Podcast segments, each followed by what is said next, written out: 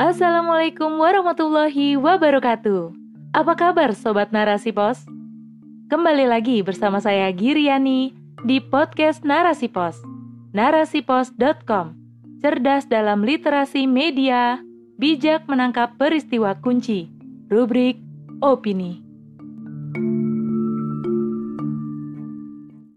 Impersi parpol menuju pemilu.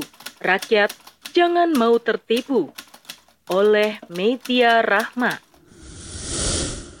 Belum memasuki tahun 2024, aroma pemilu sudah mulai tercium. Parpol baru maupun lama sudah mempersiapkan semua kelengkapan untuk mendaftar di KPU. Data dari KPU hingga Minggu 7 Agustus sudah ada 14 partai politik mendaftar sebagai bakal calon. Sebelumnya, Partai Gelora juga mendaftar ke KPU. Gelora menjadi partai ke-14 yang mendaftar sebagai bakal calon, sedangkan dua partai lain, yakni Partai Republik Indonesia dan Partai Hanura. Sebelumnya, Partai Gelora juga mendaftar ke KPU.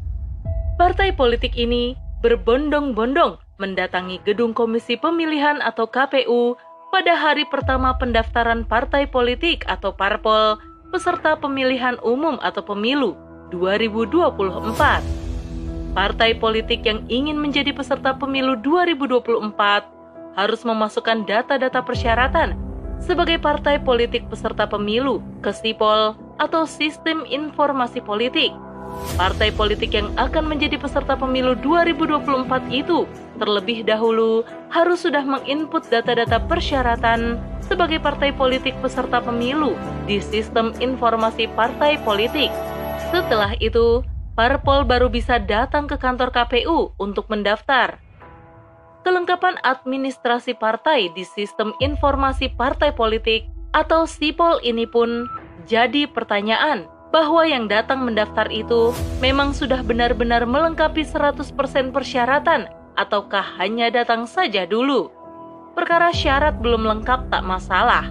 Harusnya tidak hanya datang dengan tangan kosong, sekadar memberikan impresi kesiapan menuju pemilu 2024 tanpa memberikan kesiapan secara administratif. Pemilu ala demokrasi memang memiliki persiapan yang sedemikian rupa. Kelengkapan data-data administrasi sebagai syarat. Tercatat, sudah 14 parpol yang mendaftar di KPU. Namun, mereka belum tentu lolos karena syarat administratif harus dipenuhi. Dari data KPU, tercatat 14 parpol yang telah mendaftar. Ini berarti ternyata masih banyak masyarakat yang ingin membentuk parpol dan masuk di dalamnya. Mendirikan sebuah parpol membutuhkan biaya yang tidak sedikit tentunya. Hanya orang-orang yang memiliki modal besar saja yang dapat mendirikan parpol. Modal individu saja kadang tidak cukup untuk membiayai sebuah parpol agar eksis maka, hal yang bisa dilakukan parpol tersebut adalah menerima talangan dana dari pihak luar. Siapa lagi kalau bukan para kapitalis? Suntikan dana ini pun tak cuma-cuma, ada konsekuensi ketika parpol ini bisa memenangkan pemilu nantinya.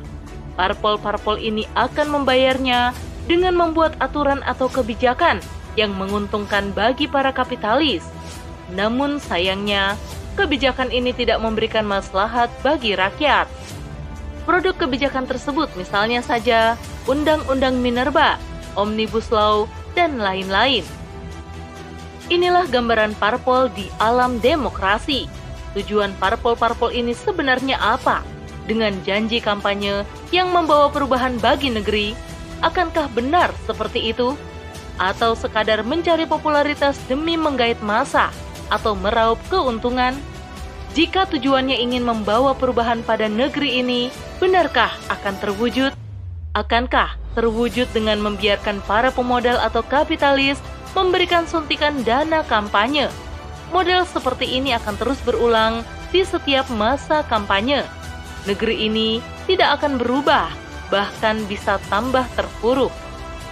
Pemilu dijadikan ajang para pemodal atau kapitalis untuk berlomba-lomba agar mereka tetap bisa menguasai hajat hidup rakyat, agar mereka tetap aman pada posisinya, sebagai orang yang berkuasa. Para kapitalis ini menggunakan cara dengan memberi dana kepada parpol tanpa cuma-cuma. Alhasil, pemilu dalam sistem kapitalis, walau dibungkus dengan jargon demokrasi, dari rakyat, oleh rakyat, dan untuk rakyat, tidak akan pernah membawa kemaslahatan bagi rakyat. Jargon hanya tinggal jargon saja. Di negeri kapitalis, jargon demokrasi ini hanya pemanis. Dalam tataran praktik, jauh panggang dari jargonnya. Rakyat tetap saja menjadi pihak yang terzolimi. Bualan semasa kampanye tampak meyakinkan. Namun, setelah mereka pada posisi tampuk kekuasaan, mereka lupa akan janjinya kepada rakyat. Padahal rakyat sudah menaruh harapan lebih kepada parpol-parpol dan anggota dewan. Maka, menjadi rakyat yang cerdas politik itu sangat perlu. Menginginkan perubahan negeri ini menjadi lebih baik adalah sesuatu hal yang utopis jika demokrasi menjadi asasnya. Karena sejatinya, melihat jargon demokrasinya saja sudah tidak relevan dengan kenyataan. Maka, sudah saatnya rakyat membutuhkan sistem yang dapat membawa kemaslahatan bagi umat. Sistem yang diridhoi oleh Sang Pencipta, Allah Subhanahu wa taala. Sistem Islam hadir sebagai sebuah solusi dari permasalahan umat dengan hukum-hukum syariatnya yang berasal dari Allah Subhanahu wa taala. Tentunya akan terwujud kemaslahatan rakyat dan seluruh negeri. Wallahu a'lam bishawab. Wassalamualaikum warahmatullahi wabarakatuh.